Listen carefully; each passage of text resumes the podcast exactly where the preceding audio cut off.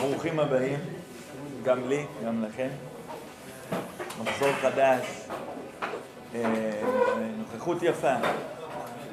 איך בינתיים? איך עד עכשיו? בסדר? מקלמים? אז אה, לי קוראים זאב פרידמן, הייתי רמפו עד לפני שנה הבאה, היום אני רמבו. אה, שנה א', שנה ב', קצת הורדתי עכשיו, אני נותן יותר שיעורים כלליים. ואתם תראו שהשיעור הזה הוא קצת קשור לאיזה משהו אישי שהיה לי בעבר, בתור נער מתבגר. ועם השנים גיליתי שלא עבד על זה הקלט, כמו שאומרים, זה כבר לא נהיה ישן, אלא זה רק הולך ונהיה יותר ויותר מדובר, יותר ויותר מוכר.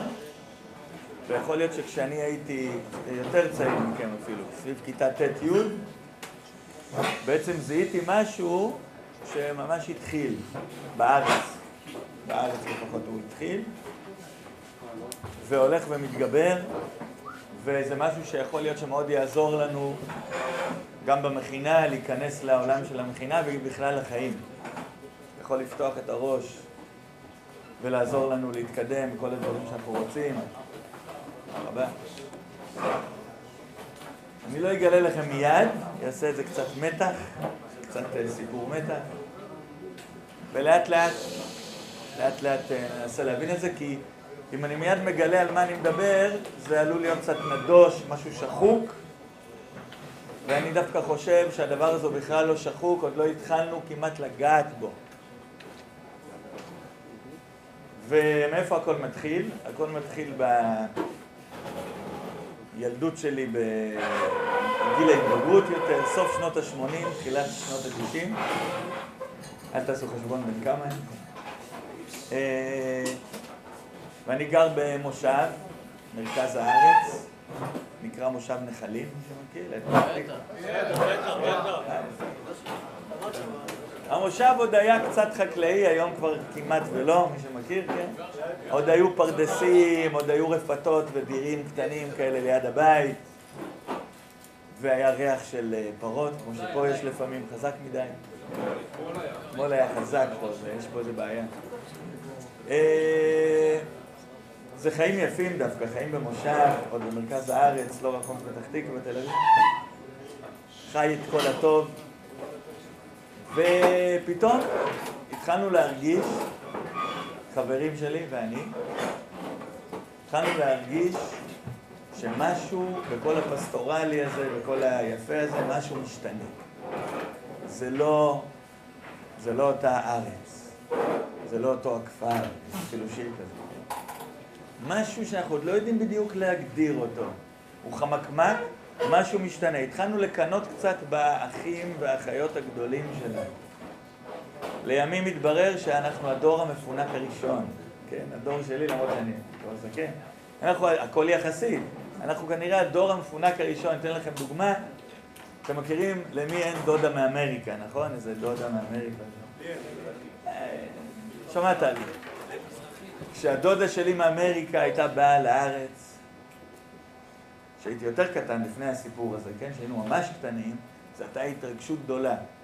היינו אה, תמיד קצת נאבקים מי ילך אפילו לשדה תעופה לוד, כי זה קרוב לנחלים, נכון? והיינו הראשונים שעוזרים בלהוריד לה את המזוודות, ולא מהמקום של מידות טובות. יפה, מתנות. ומה היה שם בעיקר? אתם לא תאמינו, Cheerios. אתם יודעים מה זה Cheerios? עכשיו, דרך אגב, אמא שלי, שתחיה, שוב הביאה לי. Cheerios אבל ה plain, בלי ה honey nut. אני לא סובל, אני אוהב את ה Cheerios בלי כלום, שקשה מאוד למצוא אותו בארץ. היום זה כבר תמיד עם ה... נכון, עם הדבש וכל מיני צבעים וטעמים. Cheerios הישן והטוב, היא הייתה מביאה מאמריקה, וזה היה חידוש גדול בארץ. הדבר הבא זה היה חמאת בוטנים, נשמע לכם מוזר, אבל peanut butter של Jif, או של איך קוראים לשני? Skippy. זה היה טוב, המרקם הזה. זה היה משהו. בארץ היו חמאות בוטנים כאלה טבעיות יותר, לא משהו. גיימבוי, אז לא קראו לזה גיימבוי, קראו לזה טיימר, מין משחק כזה של וואו, זה היה פסגת אמריקה זה היה שם, אמריקה זה היה משהו אחר, משהו שרק יכלת לחלום עליו. זה כשהייתי ילד, אבל סביב כיתה ט'-י' שלי, אחרי זה כשהתבגרתי ממש קראתי שזה במחקר, התחושות שלי הן במחקר. סביב כיתה ט'-י' משהו התחיל להשתנות. זה לא יאומן, אבל הקניון הראשון, קניון איילון, אתם יודעים מה זה קניון איילון? הקניון הראשון הגיע לארץ, באמריקה איך קוראים לזה? מול, נכון? מול, משהו כזה? כן. את חטאי אני מזכיר היום, אני גם הייתי כמה פעמים שם. בגלל הדודה הזאת והבני דודים שאנחנו מאוד קשורים, יצא לי להיות שם כמה פעמים. זה בכלל מסובב את הראש. אבל פתאום בארץ ישראל, תחילת שנות התשעים, כיתה ט'-י' שלי, קניון בארץ ישראל, כחול לבן. מקום ענק עם מלא, טוב, אתם כבר נולדתם לתוך זה. זה היה, וואו. הדבר השני שהיה, גם קוראים לו איילון. מחלף, אוטוסטרדה, אתם, קשה לכם להאמין, אבל לא היו מחלפים בארץ, כזה שאתה לוקח ימינה וזה בעצם שמאלה. היו כבישים רגילים, פתאום מערכות כבישים ענקיות. לאט לאט, בעיקר אזור המרכז התחיל, לאט לאט, זה כבר קצת נהיה כמו אמריקה. פתאום בסופרים יש לך צ'יריוס, יש לך קורנפלקס, יש לך מיליוני סוגי שוקולד, יש לך ג'יף, יש לך את הסקיפי, יש לך דברים. איפה העידן שהיינו קטנים, היינו מתלהבים אפילו מקרטי. היום פחות מ Magnum לילד הקטן שלך, אוי ואבוי. היה ביסלי. ביסלי, בייגל, אתם עוד אוכלים בייגל? כן.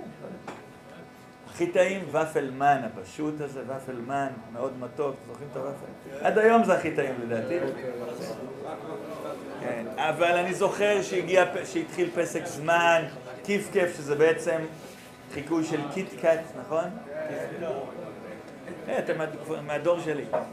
אה, לא, אבל תצחקו, תצחקו, אני ממש הייתי על המעבר, למרות שאני נראה טוב לגילי, נכון סתם. אה, הייתי על המעבר. ממש יכולתי, ממש יכולתי להרגיש, להרגיש את השינוי. אמריקה, אמריקה זה כאן. או, ומאז עברו איזה 20-30 שנה, אני כבר לא סופר, ומישהו יצא להיות אה, בתל אביב? לא? אזור הבורסה, רמת גן, כל הבניינים הגבוהים. אני יודע, אבל בהפגנת המיליון הייתם, השנייה. שם הייתם. וואו.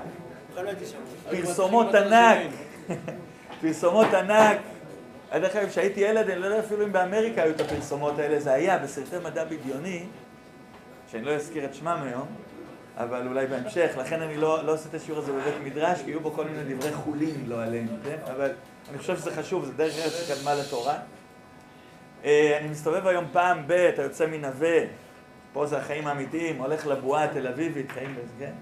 אה, אני, אני בהלם, זה מזכיר לי סרטי מדע בדיוני, שגם שם היו ערים ענקיות כאלה, ואני זוכר איזה סרט מסוים שלא רוצה להגיד אותו עכשיו, להגיד אותו? אני לא חושב שגדלתם עליו. 360? לא, בלייד ראנר.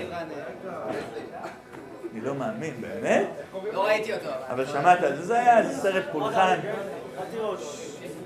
בלייד ראנר דיבר על שנת, אם אני לא טועה, 2030 ומשהו, זה עוד רגע. 49, אתם רואים? וזה יצא בשנות ה-80, סרט מפחיד לאז, עשה לי... אבל אני זוכר שתיארו את אה, ניו יורק בתור איזה עיר כאילו שהיא לא עכשיו כזאת, כן? עיר ענקית, מנוכרת, עם בנייני ענק, אה, מכוניות כאלה שרובוטיות, כן? אה, טסלה כאלה, וחלק גם יודעים לעוף, והשיא השיאים, שעוד נדבר על זה בהמשך השנה, כל הנושא של הסרט ההוא, מקווה שלא מקליטים אותנו, אם תסגרו את המכינה עוד רגע, אבל כל הנושא של הסרט ההוא היה שאתה לא יודע מי בן אדם ומי רובוט. רובוטים בדמות אדם שמשרתים אותך, שזה, לדעתי כבר עוד רגע. לא יאומן. למה אני מזכיר את זה? כי שם כבר בסרט היו, היו, היו פרסומות ענק שזזות. שזזות, אתם מכירים מה אני מתכוון? לא רק תמונה, זה ממש היה סרט. אני הולך היום לתחנה מרכזית בירושלים, שלא לומר תל אביב, אני רואה את הכרזות הענקיות האלה שזה זז. כל מיני בנות צעירות ששכחו כמה פרטי ביגוד. זה לא יאומן הדבר הזה. אז אנחנו הרגשנו את זה חזק. בשנות ה-60 זה רק התחיל, כמו שאמרתי, זה לא תחושה שלי, תגידו אני משוגע. עשרים שנה אחר כך נכתבו ספרים, אני מאוד שמחתי שהיה לי חושים נכונים, ששנות ה-90 בארץ ישראל זה מעבר, זה מעבר חשוב. האינטואיציות שלי היו נכונות, אולי בגלל שהייתי מושבניק, יש לזה יתרון, שאתה חי קצת חיים יותר מחוברים, אתם מבינים מה אני מתכוון? כן. גם, אני לא הייתי חקלאי, אפשר לחשוב, כן? אבל היו רפתות, היו דירים, היה פרדס, היינו מחוברים. ופתאום מדינת ישראל התחילה להיות דומה קצת לאמריקה. ואני גם רמזתי, התחילה להיות דומה קצת אפילו למדע בדיוני. נדמה לי שהיום המצב הרבה יותר התפתח בקטע הזה של מדע בדיוני, נכון? עם הרכבת תקלה אה, ועוד המון דברים.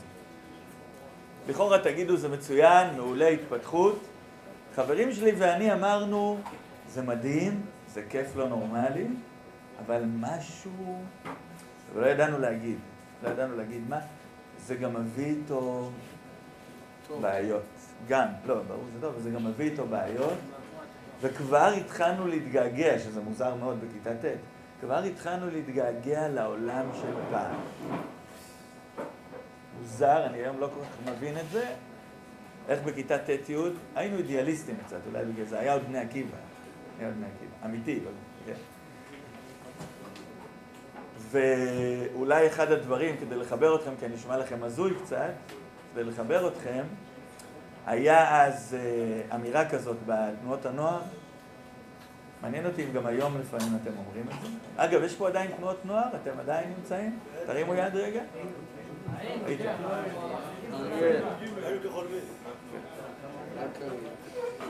בתנועות הנוער, בדיוק סביב הגיל הזה, ט' י', עוד נגיע אליו, בתנועות הנוער התחילה להיות אמירה, שזה דומה למה שאני אומר היום, שחבל שחבל שלא נולדנו קצת קודם, כי מתחיל להיות טיפה משעמם. יש לכם לפעמים את התחושה הזאת שהדברים הגדולים נעשו פעם? לא. יפה. יש חלק, לא חלק.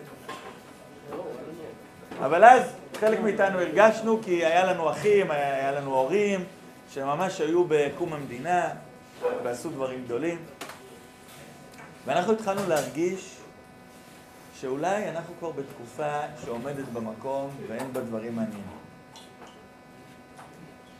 אבל זה לא נכון. לאור ההקדמה, בהמשך יותר תבינו מה, מה הייתה ההקדמה שלי על זה שמדינת ישראל התחילה לעבור. לאור ההקדמה שאמרתי, אני רוצה שלאט לאט נבין שהעידן שאנחנו נמצאים בו הוא לא פחות מרתק, הוא לא פחות מהפכני מקום המדינה ואפילו מה שהיה לפני כן, כל המהפכות הגדולות. של הציונות, ועוד לפני כן סוציאליזם, קומוניזם. אנחנו נמצאים בעיצומו של עידן מהפכני גדול, כבר הרבה שנים, 30 שנה, ורק הולך ומתגבר. אבל היופי במהפכה, היופי במהפכה שיש לנו היום, זה שרוב העולם כמעט לא יודע אותה, לא מכיר אותה. לא יודע שמתחת לאף שלו קורים שינויים אדירים, שיכול להיות שבתור בני נוער הרגשנו קצת משהו מהם, ועם השנים אני מגלה שהרבה אנשים בכל העולם מדברים על זה. אנחנו בעיצומה של מהפכה ענקית, וכן, יהיה לכם מה לספר לילדים ולנכדים. אני חשבתי שלי כבר לא יהיה מה לספר. שהסיפורים הגדולים של ההורים שלי, אולי של האחיות שלי קצת. אבל לפי מה שאנחנו נראה בשיעורים האלה, בעזרת השם, שבעצם הנושא של השיעורים האלה זה הכרת התקופה. אני עוד לא מגלה לכם בדיוק את הכל, חלק מהעניין זה המתח. אבל העניין של הנושאים האלה זה הכרת התקופה ולדעת שאנחנו נמצאים בעידן מהפכני שלא היה כמותו. אתם יודעים שהציונות למשל, שזו מהפכה אדירה, איזה חלקים בעם ישראל לא היו שותפים לציונות? חרדים. יפה מאוד. סוציאליזם, קומוניזם, השכלה. איזה חלקים בעם ישראל לא היו שייכים? גם החרדים, דתיים חלק כן, חלק לא. עדות המזרח, הרבה מעדות המזרח לא היו חלק מה... חילון והשכלה, אתם מכירים את זה, נכון? כן. המהפכה של עכשיו, אין מישהו שהוא לא בפנים. וזה רעידת אדמה, אבל עוד הבדל, שכל המהפכות שאמרתי מקודם, ציונות, השכלה, חילון, כל זה, ידענו שהן קורות וזה היה עוצמה באוויר, המהפכה שאני מדבר עליה היום. מהפכה שקטה. שקטה מאוד. רוב האנשים חושבים שהכל כרגיל, שום דבר כבר לא משתנה, אבל זו מהפכה ענקית, ומי שיהיה מודע לה, יהיה לו, לא רק שיהיה לו הרבה מה לספר לנכדים, הוא יוכל להיות אקטיבי, הוא יוכל לעשות משהו. על מה אני מדבר? איזה מהפכה ענקית. אנחנו, חלק ממנה זה קשור קצת לתחילת השיחה, לשינויים שהתחלנו להרגיש פה בארץ. מישהו רוצה לנחש על איזה מהפכה אני מדבר? לאט לאט? כן. טכנולוגית, יפה. פוסט מודרנה, יפה. מה עוד? אמונית. מה זה? תפתח. מאמין יותר. עוד מישהו רוצה? מה? מה? עקרונות, מה הכוונה? מה שההוא שאמר לך יגיד. נו, מה זה? מה זה? החשיבות של הדברים, נגיד פעם היה זה חשוב אה, לארץ, היום לאף אחד לא. יפה. יש חולשה בזה, יש חולשה. עוד. מה זה חברתי? היום כאילו כל אחד רוצה להשתייך לסוג של קבוצה מסוימת, להיכנס לקהילה, והוא אומר שכל קבוצה אחרת לא מעניין אותו, וואו. דרך אגב, חלק מהדברים שאמרתם, תחת הכותרת שתלמדו עליה, זה נקרא פוסט-ציונות. אחרי הציונות, כן? אבל לא. עכשיו, לא, אני לא אהיה את המרצה הטוב הזה שתמיד אומר כולם צודקים, כן? האמת היא שכולכם צודקים. אבל זה לא, אתם כולכם אמרתם, לפי החוקרים שאני קורא ולפי התחושות בטן שהיו לי, כולכם אמרתם פרטים של המהפכה הזאת. אבל השורש שלה הוא משהו נעלם מאוד, משהו עלום מאוד. זה כן קשור לטכנולוגיה, לפוסט-מודרנה, להתפוררות של הציונות, לשנאת חינם חס וחלילה, כן? נהנתנות, אובדן הערכים, כמו שהוא אמר, כן? אבל כל זה, לא תאמינו, כל זה, זה רק פרטים של משהו הרבה יותר גדול, הרבה יותר אה, כולל, ואליו כמעט אין מי ששם לב. אגב, בשנים האחרונות כבר כן שמים לב, לדעתי ברגע שאני אגיד את זה, אתם תגידו, אנחנו מכירים את זה. מוכנים? אני בדיוק צריך ללכת, סתם. אה, טוב, שם המהפכה.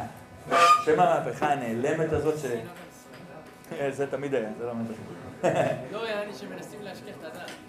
זה גם במאה השנים האחרונות היה, אני מדבר על משהו חדש, על אורך כל התקופה. ואולי לאורך כל התקופות, אנטישמיות. עכשיו פתאום השמאלנים שומעים אותם.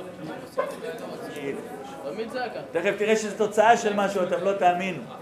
פשוט- זה שני דברים, אני לא אומר לכם את המוכר, אני הולך להגיד לכם את הלא מוכר. מישהו רוצה לנחש לאן אני חותר? לקבלה של כולם. זה קשור, ליברליות קשור קצת לפוסט מודרנה, זה קרוב, זה קרוב. תרבות המערב? תרבות המערב זה ודאי אחד האבות של זה, אבל לא. אתם מוכנים? אבל אני לא רוצה שאני אגיד, שיגידו, מה, זה הכל? זה... לא, זה משהו רציני. אנחנו נלמד אותו פה. הוא נראה, הוא חלק חשוב של זה. זה, החבר שלו. מוכנים? להגיד? צריך להגיד את זה דרמטי, שזה יהיה מספיק... אה, מה? לא. זה, חלק, זה תוצאה שעכשיו אנחנו נלחמים בזה מאוד. אבל השורש של הכל מתחיל... ברור, אבל זה כבר, לא, זה כבר ההתחלה שאנחנו מתעוררים לזה. זה מה שהוא אמר, החברתי והשנאת. וזה כלל עולמי מה שאני אומר עכשיו, במדינת ישראל משום מה זה הולך להיות השפיץ. הם יודעים את זה, בכל העולם מדברים על זה, אתם פה השפיץ של הכל. דמוקרטיה? לא, אבל זה קשור למשהו מאוד אחורה. אתם מוכנים, כן? שנות ה-70 באמריקה הם הראשונים, כמו אנחנו נראה פה בשיעור הזה, שאמריקה מקדימה את כולם. זה לא תמיד בקטע טוב, כן? כמו שכל ה... מה? קרוב מאוד, ש- לא. רגע, רגע, רגע, הוא קרוב. הוא כבר מתחיל להיות קרוב, אבל לא. זה יבלבל אתכם. בעצם. לא, הוא לא אמר חינוכי. הוא אמר, הוא אמר. לא, שנות ה-70 באמריקה, מסתובב לו חוקר יהודי שעם השנים ממש אה, התחלתי להעריך אותו, ואנחנו נלמד אותו בפנים.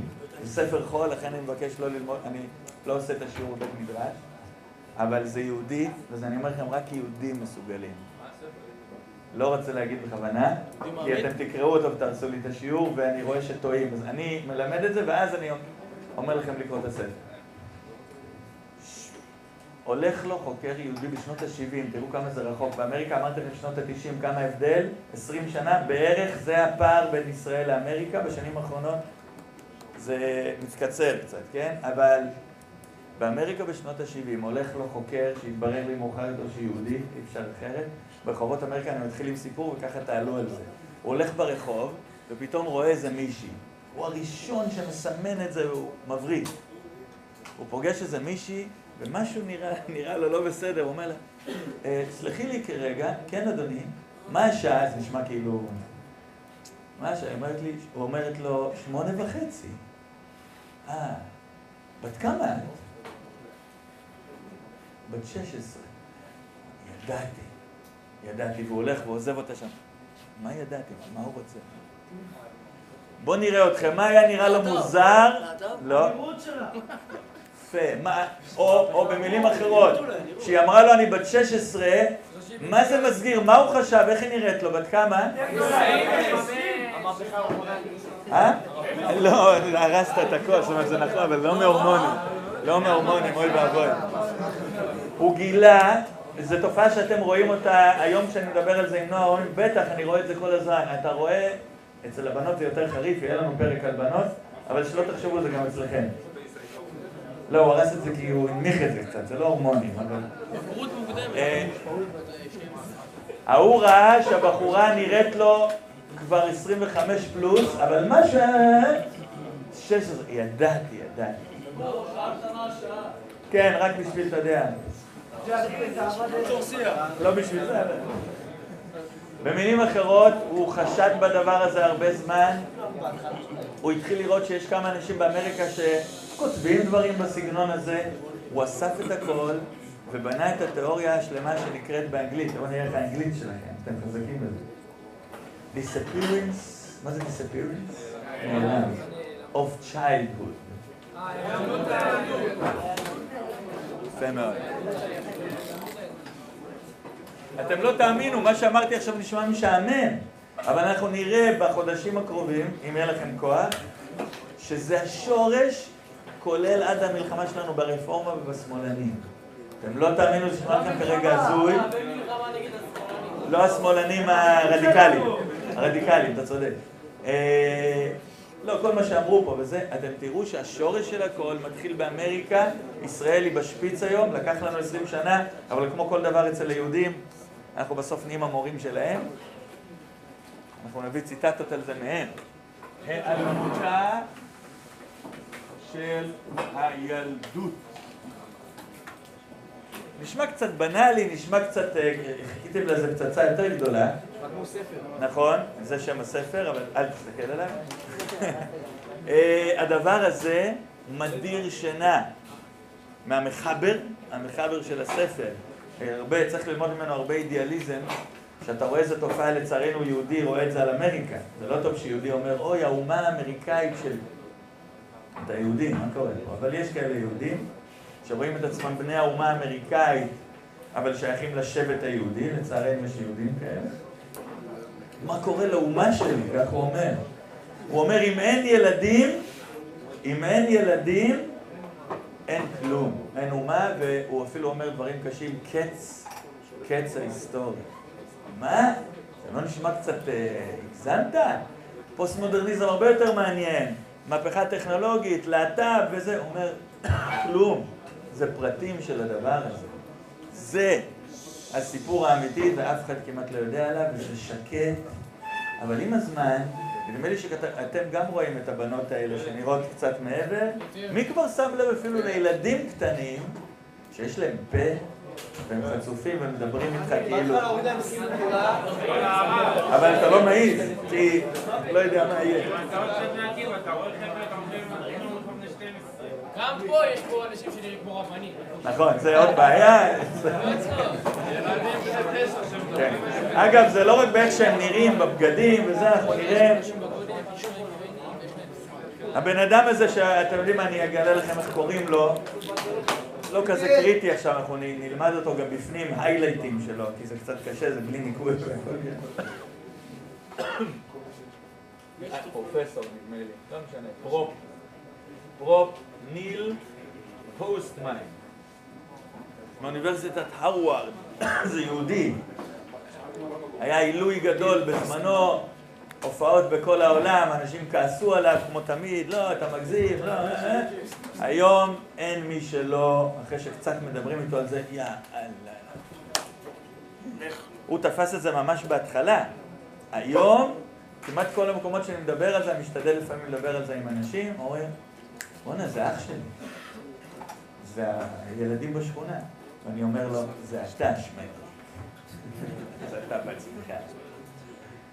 כי זה לא רק האחים שלנו, זה כבר הרבה זמן. זה משנות ה-90 בארץ חזק, באמריקה שנות ה-70, אירופה הקדימו אותנו. זה עולם בלי ילדים. למה זה צריך לעניין אותנו? למה זה כל כך חמור? לא נספיק להגיד את זה היום, אבל מה שנתחיל היום זה חמשת הראיות הקלאסיות, חמשת ההוכחות הקלאסיות, אתם כבר לא צריכים אותן כי אתם חיים את זה, אבל סתם בשביל הידע הכללי, חמשת ההוכחות הקלאסיות שאין יותר ילדים. מה אין יותר ילדים? תראה את כל הצוציקים פה מסביב, אתה לא רואה את הקטנים האלה? הקטנים האלה, אומר ניל פוסטמן, זה מבוגרים מיניאטוריים. מבוגרים מיניאטוריים, כן.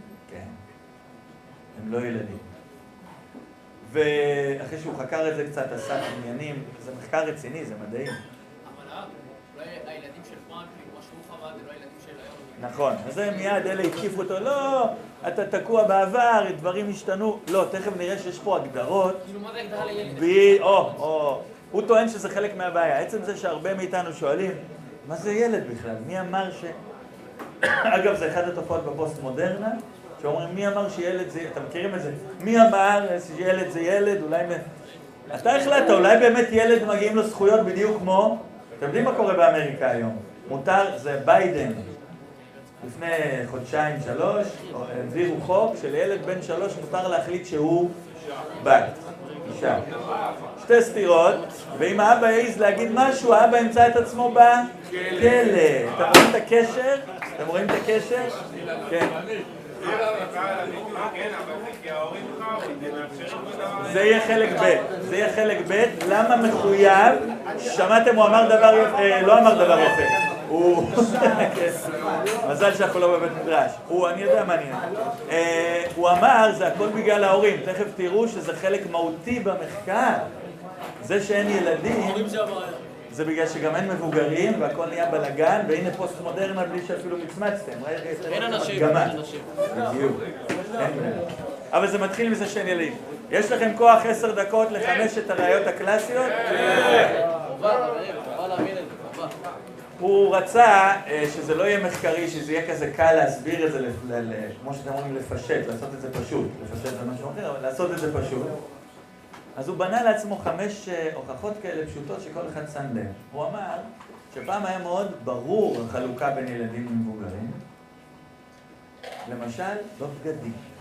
זה הדבר שמיד עולה לנו. הוא אמר, אני הרבה זמן נכנס היום לחנויות בגדים. אני רוצה ללכת למחלקת בגדי ילדים, אין בעצם יותר מחלקת בגדי ילדים. מה זאת אומרת? יש.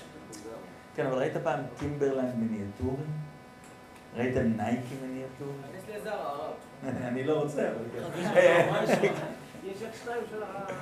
ראית פעם ילדה בת שלוש שמלבישים אותה בגדים לא תואמי גיל כאלה? מה זה? What are you doing? אה, אצל האמריקאים יותר, או באזור המרכז, כל מיני שכונות כאלה, על שם איזה נביא, ליד פתח תקווה, לא רוצה להגיד שמות, כן? אה, אתה יכול לראות לפעמים ילדים בני חמש עם טוקסידו, מחויית כזה, פפיון, המורה, הרב, זה היה גם בשנות ה-90, 80, 60, 40, שילדים הולכים חויית. על זה אנחנו מדברים, שזה בעצם באמריקה בשנות ה-70 זיהו את זה, אבל זו תופעה שכבר מתחילה קצת לפני. אתה צודק מאוד. מה? זה חלק מההתפתחות שלו. תכף נראה, זה מה שטוענים הפוסט-מודרנים. מה רע בזה? אנחנו נראה, אה, עכשיו אני לא מדבר על רע, לא מדבר על רע. הוא רק מביא לך כמה דוגמאות, תראה, משהו פה היטשטש. כן. תלוי אבל במעמד חברתי, גם ב-800 באיכויות היה ילדים בני 6 שהולכים לזה. אנחנו נגיע לזה בדיוק. יוקרה. יפה, יפה מאוד, אנחנו נגיע לזה. אבל בעידן המודרני מאוד, זה בהתחלה לא היה, היה הבדלה ברורה בין ילדים מבוגרים. אז זה מצד הבגדים. ההוכחה השנייה שלו זה מאכלי ילדות. כשאני הייתי ילד, מאכלי ילדות. כשאני הייתי ילד, מאכל ילדות קלאסי שאתה חוזר מבית ספר, אתם אולי לא מכירים את זה, זה נקניקיות מבושלות במים. אתם ראיתם דבר כזה? ופירה, פירה, שניצל.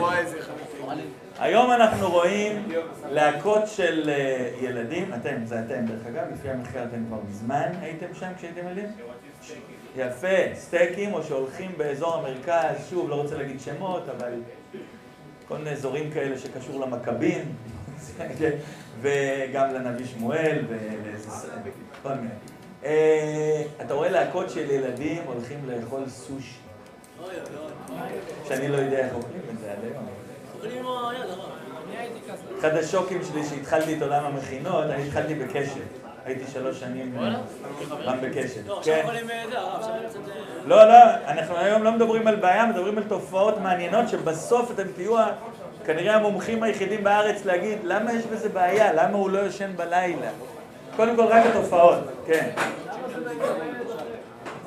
אנחנו נראה, כרגע זה רק סימנים שהתערבבו לנו, התערבבו לנו השלבים. התערבבו לנו, אה, כרגע אני לא מדבר על רע. יכול להיות שזה טוב אפילו. אה, בעניין האכילה היה לי קטע חזק, כשאני הייתי כמה שנים בישיבה גבוהה, הייתי בטוח שאני מחובר לנוער, כי מאוד אהבתי את התנועת נוער, אבל נעלמתי מהעולם לכמה שנים, אתם יודעים איך זה בישיבות הגבוהות, ואז הגעתי לקשר. עולם המכינות הראשון זה היה בקשר, לפני הרבה שנים, 20 שנה. הייתי בהלם בכל מיני דברים, אבל אחד הדברים המדהימים זה היה פורים. אתם תראו שפורים במכינות זה חג חזק, מאוד חזק. ואז אני חשבתי שאני חכם, שאני נותן שיעור לפני פורים לחבר'ה על טעות נפוצה בשתיית יין. אני מסביר להם, תראו, כשהם לוקחים את הכוס הראשונה ושותים, זה לא עובד. אז אתה לוקח עוד אחד, זה לא עובד, עוד אחד זה לא עובד, ואז אחרי כמה זמן, ואתה מפסיד את כל הפורים, אנחנו מדברים על זה פה הרבה, הלך לך הפורים, אתה פחות מקבל, אתה פחות שם... ואז אני מסביר להם, אני רואה שתוך כדי שאני מסביר, הם עושים ככה. הרב, מה זה יין? מה זה יין? לא הבנתי מה... ואז התחיל, אז התחיל הדבר הזה שאתם קראתם עליו בעיתונים, שבנוער הכללי, והיום כבר בציונות הדתית, ובכיתה ה'-ו', שותים לא יין, אלא... וודקה. כשאני הייתי ילד בגיל שלכם ופחות, אוי ואבוי, קודם כל בפורים, בעלי בתים לא שתו, בעלי בתים, כאלה שלא בישיבות לא שתו, זה לא, it's not decent, לשתות יין. וחוץ מזה שהיית הולך ברחוב, היית רואה מישהו עם שקית חומה כזאת, שקית חומה, היו אומרים, זה אלכוהוליסט, אלכוהוליסט. והיה את הסימן הזה שמתחת לגיל 18 לא לקנות, כן? זה היה, שתייה זה היה משהו של מבוגרים בהגדרה, והיום זה, מסכימים איתי שזה כבר מזמן לא? כן. דווקא בקטע הזה ארצות הברית, ששם זה מגיל 21. כן, אבל בפועל זה לא קורה. זה שוב, זה כמו פה הסימן הזה עם ה-X, הברית הם הקדימו אותנו בהרבה. למה בני נוער, שלא לומר ילדים, שותים אלכוהול? אתם יודעים שאלכוהול הרבה פעמים זה מראה על איזשהו רצון לברוח במציאות. מה ילד זה, הוא רוצה לבלוע את העולם. הנה, אני כבר מגלה לכם משהו עצוב. ילד רוצה לבלוע את העולם, הוא מלא אופטימיות, הוא מלא אמון. הוא גם מלא אמונה. אתם תראו שאמונה זה תכונה ילדית. פתאום ילדים בדיקי? ילדים קטנים, בני... אתם יודעים מה זה טיפש עשרה? זה שיא האידיאליזם, עוד נדבר על זה. פתאום ילדים, זה באסה, אני משהו. פחד אלוקים, יש לזה השלכות שאתם לא מאמינים. לפעמים שואל את החבר'ה, מה אתה כל... גיליתי, בעצמון הזה היה חזק השתייה, יותר מזה. גיליתי יום אחד, אני מקבל קבוצה לפני כמה זמן, בלי להסגיר שמות, שבבקרים היו מאוד שמחים כאלה. יפה. אני לא מאמין, הלכתי אליהם פעם לחדר. קורונה, כל מיני, אמרתי, מה, אפשר להשתכר עם זה הרב? שלוש, שלושה בקבוקים, אתה כבר בראש טוב, ואז אני בא אליך לשיעור, אתם צוחקים, לי זה היה הלם, הלם תרבות, ואני אני לא הייתי מאופס, זה כבר שנים. כל הרמים לקח להם זמן, אני הכי תמים הייתי לזה. מה ילד באלכוהול? זה... הבנתם, מאכלי ילדות. שלוש, שפה, שפה. אתם יודעים שהייתי קטן, היו מילים, גם מילים גבוהות, אבל גם נושאים בחיים שלא מדברים in front of the children. נכון? ההורים שלי היו, עוברים להונגרית, כי אנגלית ידעתי טוב מהטלוויזיה. הרב אבינר מספר על איזה אבא אחד שקרא שהחפץ חיים סביב גיל 13 היה לוקח את הילד לשיחה. חפץ חיים, שהוא מתבגר, יצר הרע. אבא אמר, וואלה, גם אני חייב לעשות את זה. אז הרב אבינר עם המבטא הצרפתי, נכון? אה, בן, נגור רגע. ואז הילד אומר לאבא, רילקס, אבא, רילקס, מה אתה רוצה שאני אסביר לך? אז אבא אומר, "פש, אני לא צריך לדבר איתו. מה בדיוק אתה לא רוצה לדבר לפני הילדים היום? איזה נושאים, איזה שפה נחשבת לא נקייה ליד הילדים היום? אין כבר. אתם לא שומעים את הילדים האלה, אתם תמימים. ילדים בבית ספר, יש להם פה. שפת-. לגמרי, הם היו מקומות שעשו את זה פעם. היום לא יהיה לך מספיק פלפלים. השפה של המבוגרים והשפה של הילדים שהיה הבדל ברור כשאני הייתי ילד, מתערבב לחלוטין, כן. נכון? אבל זה יהיה קורס, לא, יהיה קורס מיוחד, אני מביא כאלה. כן. זה קשור למשמעת, בוא נגיד זה מעודן יותר, קשור למשמעת. לכן אנחנו נראה שזו תופעה רחבה מאוד. הלאה. ארבע. ארבע זה favorite שלי. הנה, אנחנו לקראת הסוף. זה אני נוסע פעם באוטו, פותח רשת מורשת, הרשתות שאתם שומעים גם, נכון? רשת מורשת, ואומר ה... אומר השדרן, היום בגני התערוכה בתל אביב נפתחה תערוכה למשחקי ילדות. מה זה אומר שאתה עושה תערוכה על משהו? רוצים לנחש איזה משחקים היו שם? מחבוא אם אתה מתחיל להתקרב. חמש אבנים. מי מכיר שלוש מקלות, שתי מקלות? מצוין. קלאס, קלאס. קלאס, אג'ואים. גומי. אז אתם עוד במצב טוב שאתם יודעים מה זה. באמריקה בשנות ה-70, אומר ניל פוסטמן, חלק מהמשחקים האלה בני יותר מאלפיים שנה.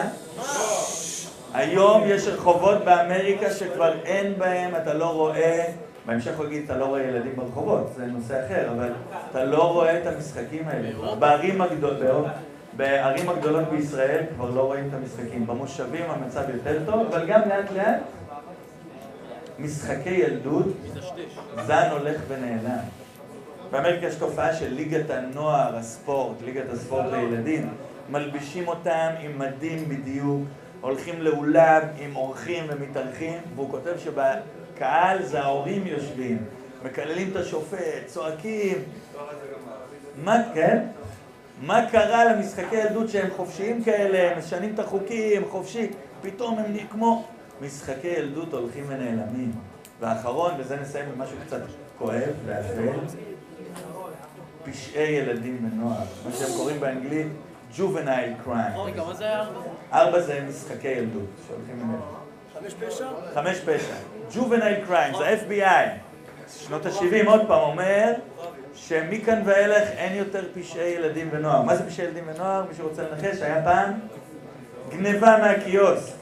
לעשן בשירותים של התיכון, אתם מכירים את התיכונים עם הלוקרים האלה, כן? אה, אז יש, זה סרטים שהייתי רואה. רואים את המורה הולך במסדרון, פתאום הוא מריח סיגריה. הוא הולך לשירותים, כי יש הרי זה תמיד גבוה, הוא לא רואה כלום, ממשיך ללכת, ואז זום אין, רואים את הטינג'ר יושב ככה כדי שלא יראו את הרגליים, מעשן. מעשן את ה... כן, מעשן את הסיגריה. זה היה פשעי ילדים ונוער. אומר ה-FBI, הוא מצטט את המחקר, משנת 77 בערך, אין יותר פשעי ילדים ונוער. ילדים ונוער בבתי ספר ענקיים זה התחיל, מתחילים עם רצח וצפון. מה זה הצפון? אני לא רוצה להגיד עכשיו. רצח זה קשור בינו לבין הרצח וצפון. ילדים בסוף היסודי, תחילת תיכון. זה כבר הגיע לארץ, אתם יודעים, בשנות ה-90, אלימות בבתי הספר. מה קרה? בוא'נה, אתה ילד, אתה, אתה אוהב, אתה עם תום, אתה... רצח בעיניים, פשעי ילדים ונוער.